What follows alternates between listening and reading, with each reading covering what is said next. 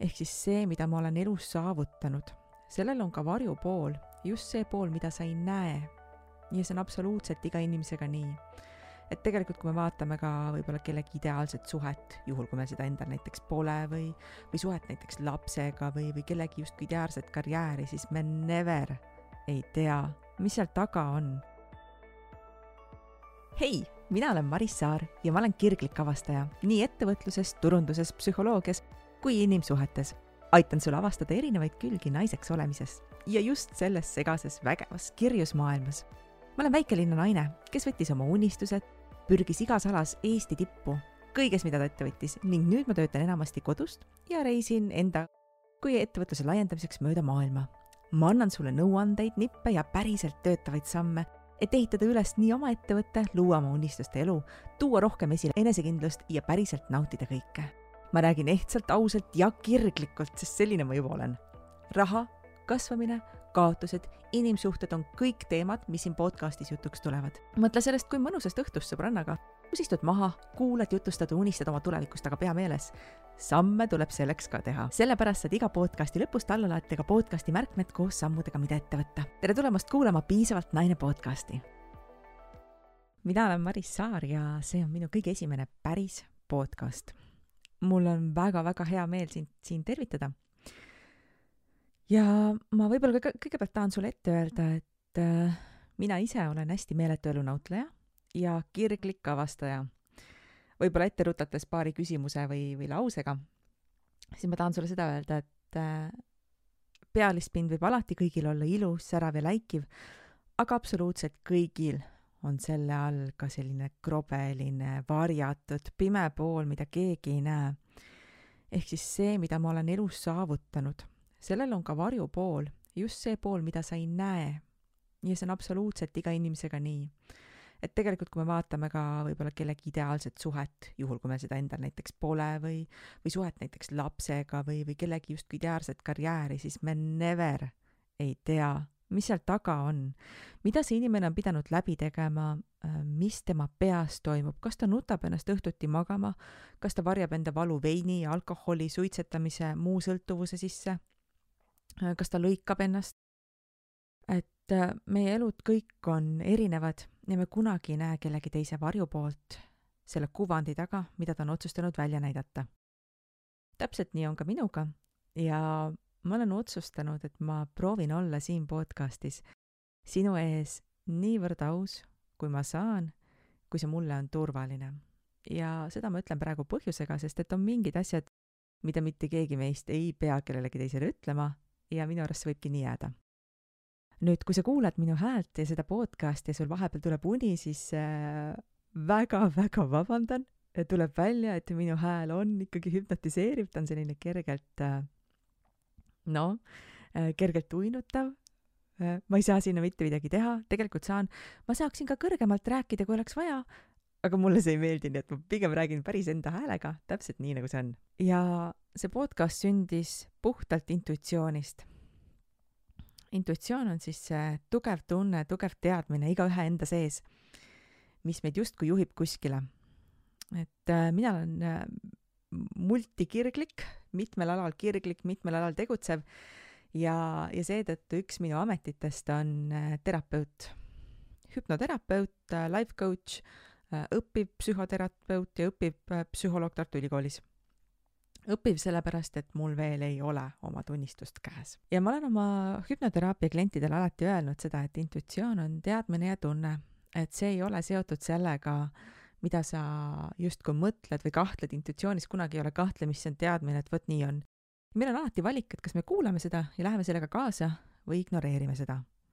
kõik variandid on väga okeid ja tegelikult alati tuleb uusi variante, ehk siis kui me korra intuitsiooni ei kuula, alati tuleb uusi variante, sellepärast ei pea endale mõttes peksa andma. ja minu intuitsioon täpselt samamoodi juba tükk aega koputas mulle vastu pead ja ütles, et Maris, Maris, on aeg ja ma proovisin ennast ümber veenda väga-väga mitmel viisil öelda, et äh, tead, no ei ole ikka aeg. no kuidas ma nüüd inglise keeles teen, et ma ikkagi ei ole nii sorav inglise keeles, halloo, Maris, sa õppisid hüpnoosi inglise keeles. enamik su õpingutest on inglise keeles. pooled su pulmaklientidest on inglise keeles. Come on! mida sa siin vaidled?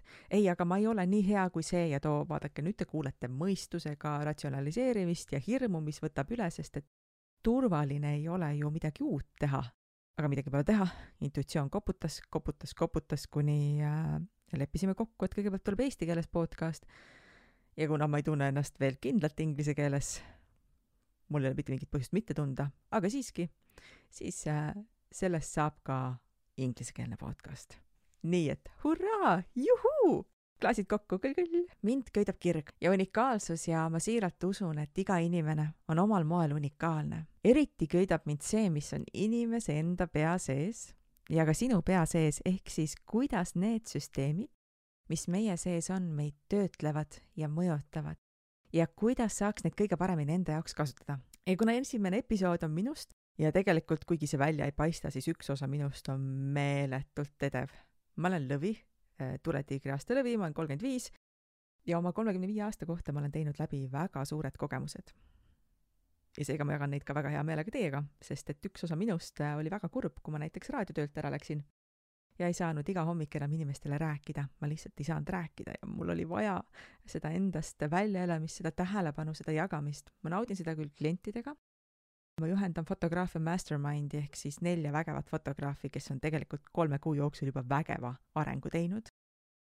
ja ma saan sealt tagasisidet, sest ma saan kõiki juhendada, but it's not enough, mul on, ma ise tunnen enda sees, mitte et ma olen teistest parem, ei, ma arvan, et kõik on võrdsed. Ja ma tõesti arvan, et kõigil on võrdsed võimalused. Aga ma tunnen, et minu enda sees on mingi info, mis tahab välja saada ja see võib sulle just praegusel hetkel olla, olla, olla vajalik, olla kasulik. ja ma mõtlen praegu, et kas ma jagan sinuga ühte vahvat lugu intuitsioonist mis mind tegelikult elus on kõikide otsusteni viinud, või ma jätan selle loo pärastiseks. tead, ma jätan selle loo pärastiseks, see juhtus eile ja see on äh, selline lugu, kus ma läksin elukaaslase ukse taha koputama, küsisin, et kallis, et äh, Wismari on ikka lahti ja võtab äh, psühhiaatria patsiente vastu, on ju? Puhtalt sellepärast, et mulle meeldib teadus, ma armastan teadust, ma armastan käegakatsutavaid asju, aga pagan küll see intuitsioon, no seda alati käega ei katsu. aga selle loo ma toon teile pärast ma praegu räägin teisi erinevaid külgi. tõenäoliselt sellepärast, et ma olen kõige vanem laps peres, mul on üks pärisõde, kes on minust kaks aastat noorem, ja siis mul on üks poolõde, kes on just täiskasvanuks saanud, üks poolvend, kes on niisugune kaksteist, kolmteist, mis ta on, ja siis üks teine poolvend, kes on minust kümme aastat noorem. nii et äh, selline vahva kirju kärgpere. ja kõige vanema lapsena mul oli alati võimalus teha kõike esimesena ja õigesti, sellepärast et Maris teab ja Maris oskab. noh, ilmselgelt tähelepanu, that's all for me, I love it, give it to me more, please where can I have some more.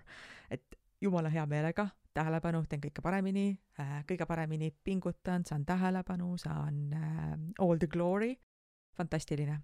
aga see tuleb ka hinnaga, sest et Maris teeb ja Maris oskab ja Maris teeb ära, on saatnud mind vist äh, terve elu minu vanaema äh, juhtis Eesti Rahva Muuseumis ühte vahvat äh, rahvamuusika ansamblit ja rahvatantsuansamblit ka, mis tähendab seda circa vanusest äkki mingi kuus, seitse, kaheksa, kuskil sinnakanti. Ma hakkasin käima rahvatantsus ja mängisin siis viiulit, ma käisin muusikakoolis ka, mängisin viiulit ja klaverit, aga mitte rahvamuusika ansamblis, seal ma mängisin ainult viiulit. kuna minu vanaema juhatas seda siis äh, ja minul oli, mul on muusikaline kuulmine on väga-väga hea. ma suudan häälestada viiuleid, pille väga-väga täpselt. Äh, ma ei uhkusta, see lihtsalt on nii. mis tähendab ka seda, et ma tegelikult pidin ära häälestama kõik pillid ja juhul, kui oli äh, mingit asja vaja kellelegi teisele õpetada, siis seda õpetamist tegin väike pätsakas mina. Ehk siis ma pidin oskama mängida nii kannelt, tuurkannelt äh,, mandoliini, mis mul seal veel variandid olid, noh, jauram on ju, seda oskab äh, rütmi tundis Tõnis väga hästi, see, kes sellel hetkel jauramit mängis. akordionit, jaa, akordionit pidin ka oskama mängida, ehk siis seda ma õppisin oma vabal ajal. ja kõik minu suved või väga suur osa suvedest möödus äh, vanaema juures, kus siis äh, meil tegelikult olidki rahvamuusika, tantsu ja, ja siis äh, rahvamuusika ansambli laagrid. ja enamik neist suvedest möödus tegelikult Toilas, minu vanaema endises kodus ja meil oli seal, vähemalt mul oli ülesanne, ma ei saanud minna enne õue, kui ma olin õppinud ära soome keele töövihikust mingid lehed ja mul oli valida, ma võisin teha ka vene keele omast. Äh, saksa keele omast olid ka mõned, aga ma tegin enamasti soome ja saksa keele omadest. Tööviikutest kuulasin vanaema need kassetimaki pealt neid lauseid ja siis täitsin töövihikut. ja minu arust see oli jumala chill, sest et minu arvates tegidki kõik lapsed nii kus ma pidin teadma, et teised jooksid õues niisama, ei pidanud mitte mingeid ülesandeid enne tegema selleks, et õue saada. igal juhul niimoodi ma tegin äh,, kerime paar aastat edasi, mina muidugi kõik suved siis häälestasin seal pille me mängisime, musitseerisime, leidsin sõbrad. kui ma olin Tartus, ma olen Tartust pärit, siis samamoodi ajasin äh, kamba kokku, ehk siis tervet tänava kamba lapsi ajasin kokku, mina jälle kõige vanem, ja me esineme, teeme muusikakavad, teeme tantsukavad, lindikavad, kas keegi oskab luuletusi, olgu, ma kirjutan luuletused, sest et ma kirjutan luuletusi ka, ja me esineme naabritele, selle eest me saime vahepeal kommi, väga harva saime raha, raha me kulutasime kõik ükshaaval ära, tavaliselt me ostsime mingeid ajakirju a la Back, Backstreet Boys ja Westlife, me fännasime Westlife'i ja Spice Girlsi. et siis tavaliselt me ostsime mingid ajakirjad ja siis äh, mina äh, tõlke sõnaraamat kõrval tõlkisin seal neid äh, lauseid teistele, sest et ma olin kõige vanem, mingi niisugune üheksakümnene pätsu, lihtsalt tõlgib teistele ajakirjast, me tahtsime teada, mida nad ütlevad ja mis need laulusõnad tegelikult tähendavad, mida nad laulavad. me ei saa ju aru. järelikult mina sõnaraamat kõrval tõlgin seal artikleid et, et selline nagu drive, selline kirg on kogu aeg seal taga olnud, sest et see on olnud justkui normaalne. mis on tegelikult viinud mind sellise kõrge sihtimiseni, et minu esimene kaamera, mu isa on äh, hobifotograaf olnud, on ise ilmutanud äh,, ta on tegelikult keemikfüüsik teadlane ja, ja ühe väga ägeda teadusettevõtte äh, maailmale väga vajaliku projekti juht, las see praegu olla, mis see on. oma esimese kaamera ma sain kümne aastaselt, ma hakkasin klõpsutama ja tegelikult see fotograafia kirg jäi minusse alles ja oma esimese eh, nii-öelda tööotsa fotograafina, kuna ma käisin tollel hetkel eh, Isamaa Liidu noortes. Eh, Triin, kõik eestlased võib-olla teavad, võib-olla mõned ei tea, Triin Lellep, kallis Triin, minu armas klassiõde ja minu armas keskkooliaegne parim sõbranna ja praegu ka väga-väga lähedane sõbranna. me olime koos kogu aeg, kahekesi nagu kaks lambapead, nagu meid kutsuti aeg-ajalt sest et üks teeb ees, teine teeb järel. Triiniga koos me olime Isamaaliidus ja Isamaaliidu kaks väga ägedat äh, noort tudengit küsisid minu käest, et kas ma olen valmis pildistama nende pulma. ja ma olin siis seitseteist, mis tähendab seda, et digiaparaat oli just, just, just tulemas. aga tegelikult praegu, sellel hetkel, olid veel olemas ainult tavafotoaparaadid. nüüd te võite ette kujutada, et tavafotoaparaat on ju selline tore, tubli käntsakas aparaati sinu käes, mille sisse lähevad filmirullid. ja ma vist võtsin äkki kolmekümne kuuesed filmirullid, äkki võtsin neid kuus või kaheksa tükki sinna pulma kaasa ja neid jäi puudu. jumal tänatud, neil veel keegi fotograaf oli, aga see oli minu kõige esimene nii-öelda pulm. seitsmeteistaastaselt ja eks see kirg jätkus, et ma tegelikult tahtsin ülikooli sisse saada ajakirjandusse ja suhtekorraldusse, ma veel ei teadnud täpselt, mis see suhtekorraldus on aga ma teadsin, et ma tahan seda õppida, kuna see tundub mulle täpselt õige. jälle intuitsioon koputab, on ju. aga minu tunne ütles, et tead, ajakirjandus, sa tead rohkem, sa kirjutasid koolilehes, sa käisid äh, kooli näiteringis, näiteringide laagris, sa laulsid äh, laulukooris ähm,, sa lindistasid koos Triiniga endale singli kooliraadios ähm,, juhtisid koolikontserte, noh, sa oled igal pool aktiivne, et, äh, et on väga suur tõenäosus, et, et ajakirjandus on sulle midagi paremat millest sa tead rohkem ja on suur tõenäosus, et sa saad ülikooli paremini sinna sisse, kui sa räägid ajakirjandusest. loogika tundus väga legit, esimene aasta ma sisse ei saanud, mis tähendab seda, et tuli minna tööle. ja see aasta, kui ma vaheaasta nii-öelda, kui ma ülikooli tasuta kohale sisse ei saanud, ähm, kuna minu vanematel ei olnud tollel hetkel võimalik minu ülikooliharidust toetada, äh, ma isegi ei küsinud, ma lihtsalt eeldasin, et ei olnud. ma arvan, et ei olnud. see vaheaasta, mis ma teen, äh, tegin tööd vahepeal, muide, mu ema leidis selle töökoha. Äh, laeva peale tööle läksin, fotograaf olin äh, Rootsi laevadel. siis ma õppisin ülikooliks ja väga äge oli äh, teha läbi akadeemilisi teste, igasuguseid erinevaid harjutusi, selleks, et saada ülikooli sisse, kuna ma sain tegelikult palju paremini siis sellest aru.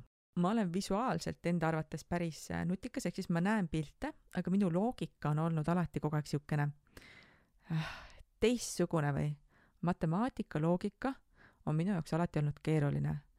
matemaatikaeksami mingid tehted, ma sain küll eksami kuuskümmend kuus punkti, aga mingid tehtekäigud, äh, loogika ma pidin lihtsalt pähe õppima, kuna minu jaoks see ei olnud lihtsalt loogiline.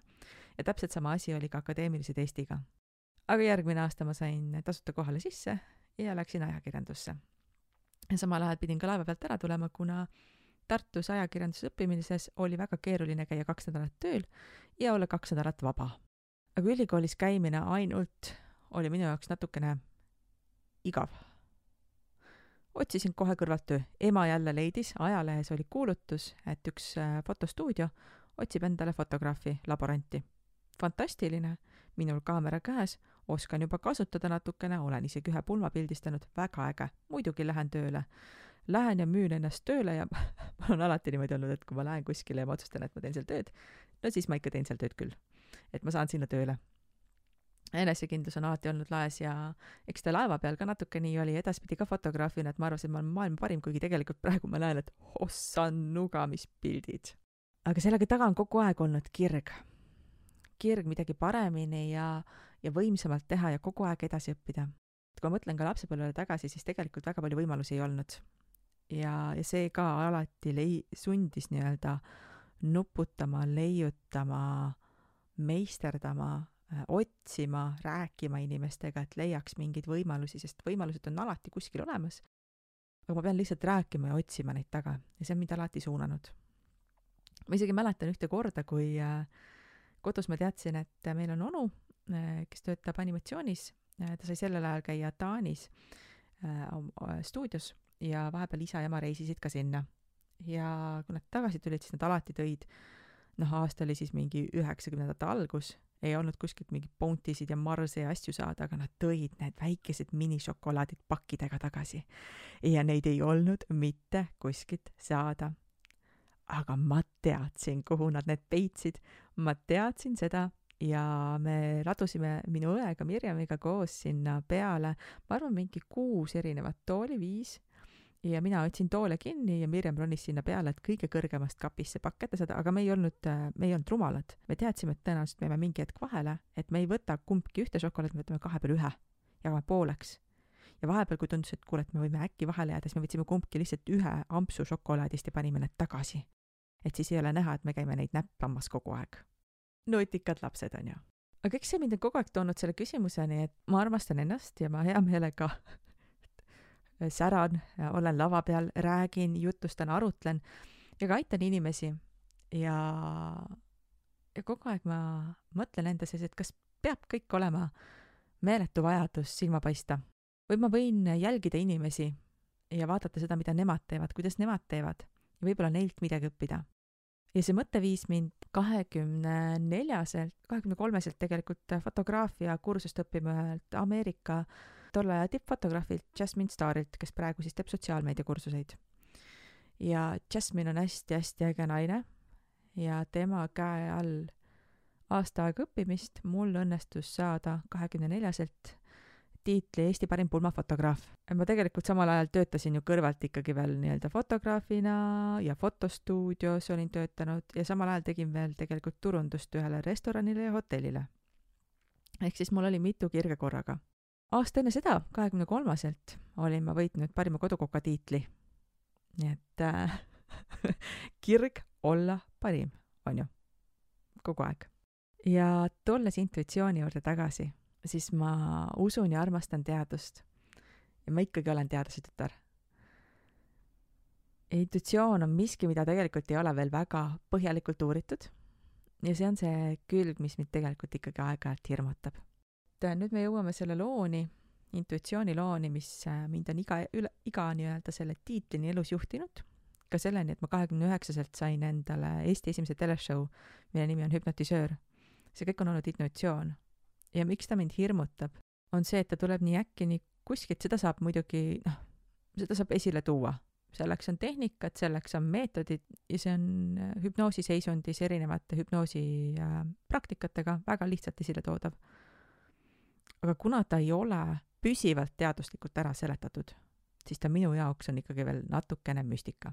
eile, puhtalt räägin teile ära, tunnen, et äh, pean jagama eile saadan ühele tuttavale sünnipäevasõnumit, tal on sünnipäev ja tema palus, et Maris, kuule, kallis, ole hea, ütle mulle, ma saadan sulle ühe pildi. mis sa seal pildi peal näed? ja ma ei ole seda ammu teinud. ma tean, mu intuitsioon on tugev, vahepeal ma sain see kõlab absurdsena, las ta olla, kuulake mind lihtsalt ära, mulle tuli info mingite inimeste kohta, mis ma pidin neile edasi andma. ja kõige hullem on see, et see info pani täppi. Äh, kõige jaburam olukord oli see, kus ma istusin sõbrannaga kohvikus ja ma näen mõttes tema kõrval ühte inimest äh,, punane kübar, punased riided, kindad, kindel kõnemaneer, peegeldan sõbrannale tagasi, sõbranna vaatab otsa, Maris, kuule, mu surnud ema rääkis niimoodi. et ta oli täpselt selline, ta kandis selliseid riideid, kust sa tead? ja ma arvasin, et ma lähen hulluks, palun, kus on Wismari, äh, kus on Raja tänava haiglad, ma lähen hulluks, see pole võimalik. noh, ma ei teadnud mitte midagi, et tema ema oli lahkunudki. sellepärast niisugused asjad äh, hirmutavad ja eile oli täpselt samamoodi, saadan siis, sa-, tõlgendan seda pilti ja näen nii muuseas, et ta teeb laivi parasjagu äh, sellest kohast, kus ta on. ja laivis äh, minu sisetunne hakkab näitama mulle, vot see tüdruk, äh, mis seal nurgas on, sa pead talle edasi andma sõnumi. ja mina enda sees äh, vaidlen, et no Maris, sa ei ole ennustaja, sa oled tavaline inimene, lõpeta ära, mida sa teed. ja ei saa, teadmine, tahtmine on nii suur, kirjutan üles need viis lauset või seitse lauset, mis tulevad, ütlen edasi, et ole hea, anna sellele tüdrukule seal nurgas edasi. Ja pärast tuleb tagasi, et see oli täpselt see, mis ta sellel hetkel pidi teadma, see polnud üleüldine, see oli suhteliselt täpne no holy shoot, on ju. What the hell? intuitsioon, ma ei ole selgeltnägija, ma olen tavaline inimene, aga vahepeal selline info tuleb, no kust kohast see tuleb ähm,? seda teadus praegu uurib ähm,. ma ei tee seda teenusena ja ma ei plaanigi seda teha, aga ähm, ma plaanin seda alati ja ma kasutan ka alati ära enda karjäärivalikutes ja ka inimeste valikutes, kes minu ümber on ja täpselt nii läks ka tegelikult hüpnotisööri sarjaga. ehk siis ma saatsin meeletult kirju, äh, kui ma õppisin hüpnotisööriks, sellepärast et äh, mul oli endal vajadus.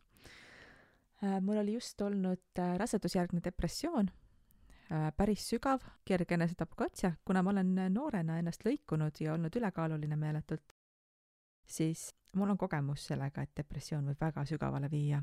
ja ma olin valmis tollel hetkel ennast lõikuma uuesti, lihtsalt et saada sellist vabaduse tunnet korraks. ja ma sain aru, et see on väga-väga madal, väga sügav koht, kus olla oma kaaslase abil tollel hetkel. ma olin siis abielus, praegu ma olen lahutatud. ja minu tollane abikaasa palus mind, et ma otsiksin abi.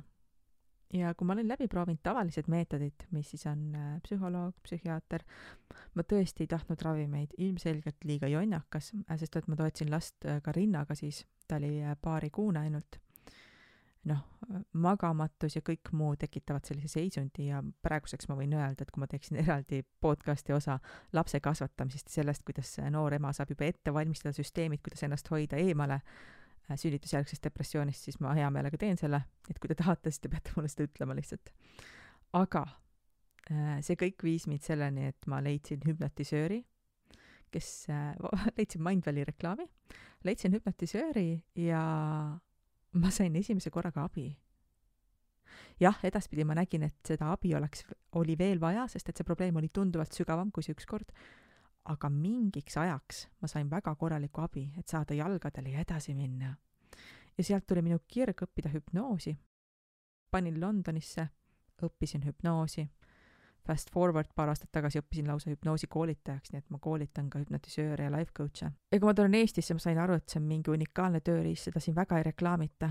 ma kirjutasin ajakirjadele, ajalehtedele ja niimoodi ma sain oma nii-öelda pärast esimesi ajakirju, pärast teisi, kolmandaid, neljandaid, ehk siis mul oli juba suheldud erinevate ajakirjanikega. mulle tehti pakkumine, et tule teeme piloodi. ma käisin Tallinnas, üks ajakirjanik võttis lihtsalt minuga ühendust, et Maris, kuule ja ma pean Greta sulle ütlema aitäh aitäh, et sa mind kutsusid. et ma käisin Tallinnas ja läksin trepist üles, niisugune huvitav trepp oli vanaaegses majas äh, kesklinnas, niisugune vanalinna piiri peal. ja lähen sinna ette ja produtsent tuleb minu juurde, et noh, vaatame, kuidas siis kaameras oled.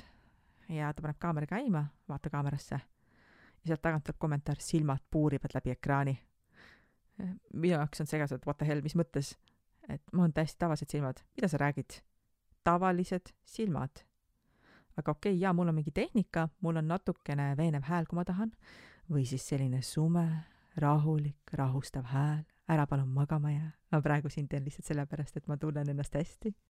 ehk siis see hääl on olnud nii-öelda ka üks osa sellest ja kuna see on, noh, hüpnoos on puhas teadusel või seda õpetatakse Harvardis ja Yale'is, come on, see ei ole pseudoteadus. see, et Eesti, Euroopa seda ei tunnista, no mis ma teha saan? ülejäänud maailm, Ameerika, Suurbritannia arstide liit tunnustab hüpnoosi. see on seal kaasnev raviliik, seda saab ülikoolis õppida. mida me teeme nalja? et ka siis tegelikult see nagu backlash, mis tuli selle esimese teleshow'ga ehk siis äh, sellest piloodiprojekti vahel, nii-öelda päris esimese osa lindistamise vahel oli väike paus ja, ja siis oli nii-öelda kutse, et nüüd teeme, siis see tagasiside, mis sealt tuli, oli kahe, kahtepidi. üks oli see, et sa oled šarlatan ja aa ah, jaa, aferist oli see sõna, mida ma hästi palju kuulsin. aferist äh,, inimeste lõhkuja äh,, alateadvuse mudija äh,, no seal oli veel hullemaid versioone, nagu meeletut pahna tuli, mis sadas.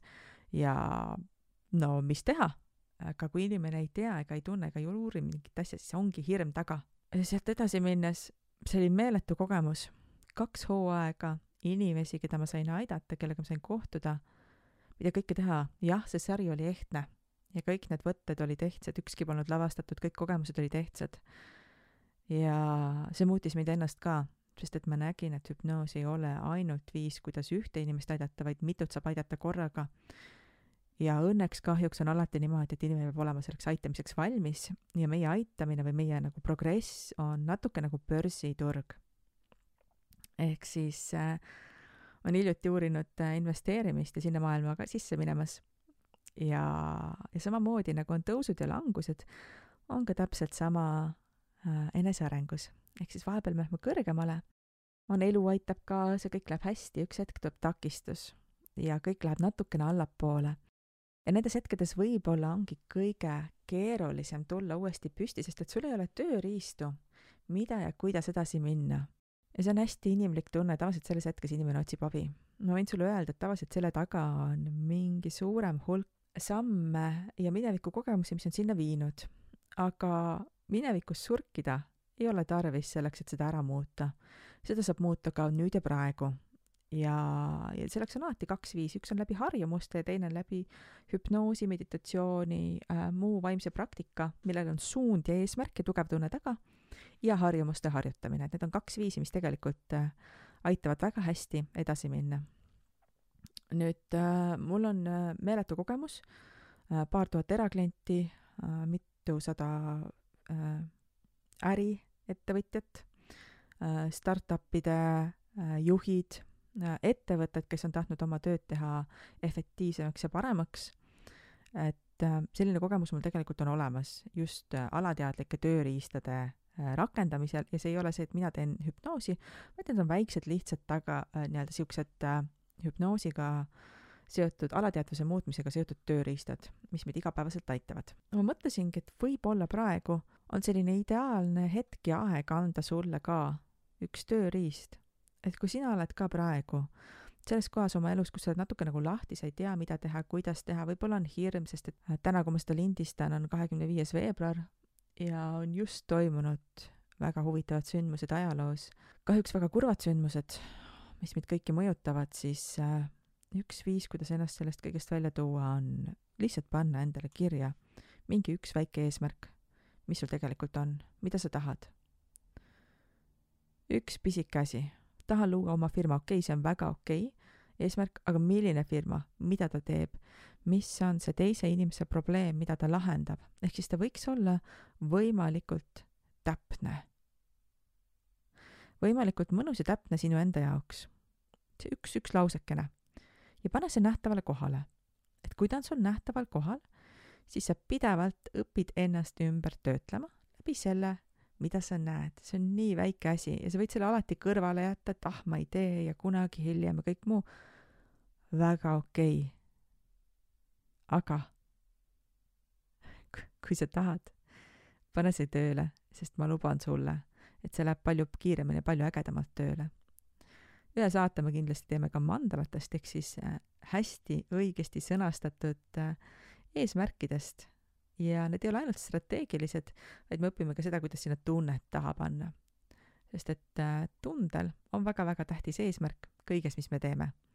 kui sa teed midagi lihtsalt niisama masinlikult, tal ei ole never sellist äh, määra või sellist kaalu, mis sul on siis, kui sa teed strateegiliselt ja tugeva tundega. ja meil võib olla ka intuitsiooni pealt nagu väga suur osa minu äh, valikuid elus. Aga ma võin ka lubada, et mida rohkem teha asju strateegilisemalt, eesmärgiga ja tugeva tundega, seda paremini kõik läheb. ja need kõik, mis ma olen sulle praegu rääkinud, on highlight'id.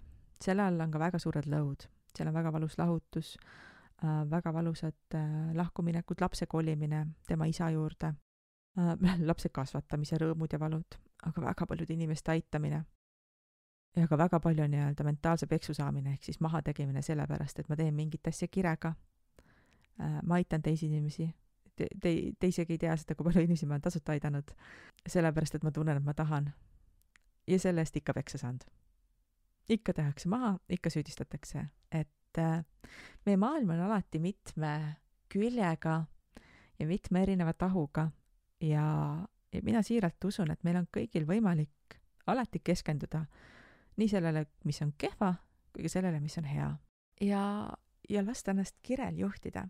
et kui ma toon ka välja veel mingeid osasid, mul on eh, turunduskogemust hästi palju, nii fotograafina, enda brändi ülestöötamisel, välismaiste pulmade pildistamisel, riigiettevõtte sisekommunikatsiooni loomisel, äh, ma olen teenindaja olnud pesupoes, oh jumal, kõik ei tulegi kohe meelde, mida kõike ma olen ära teinud, äh, meiliturundust olen hallanud, aga kõige selle taga on olnud uudishimu ja kirg.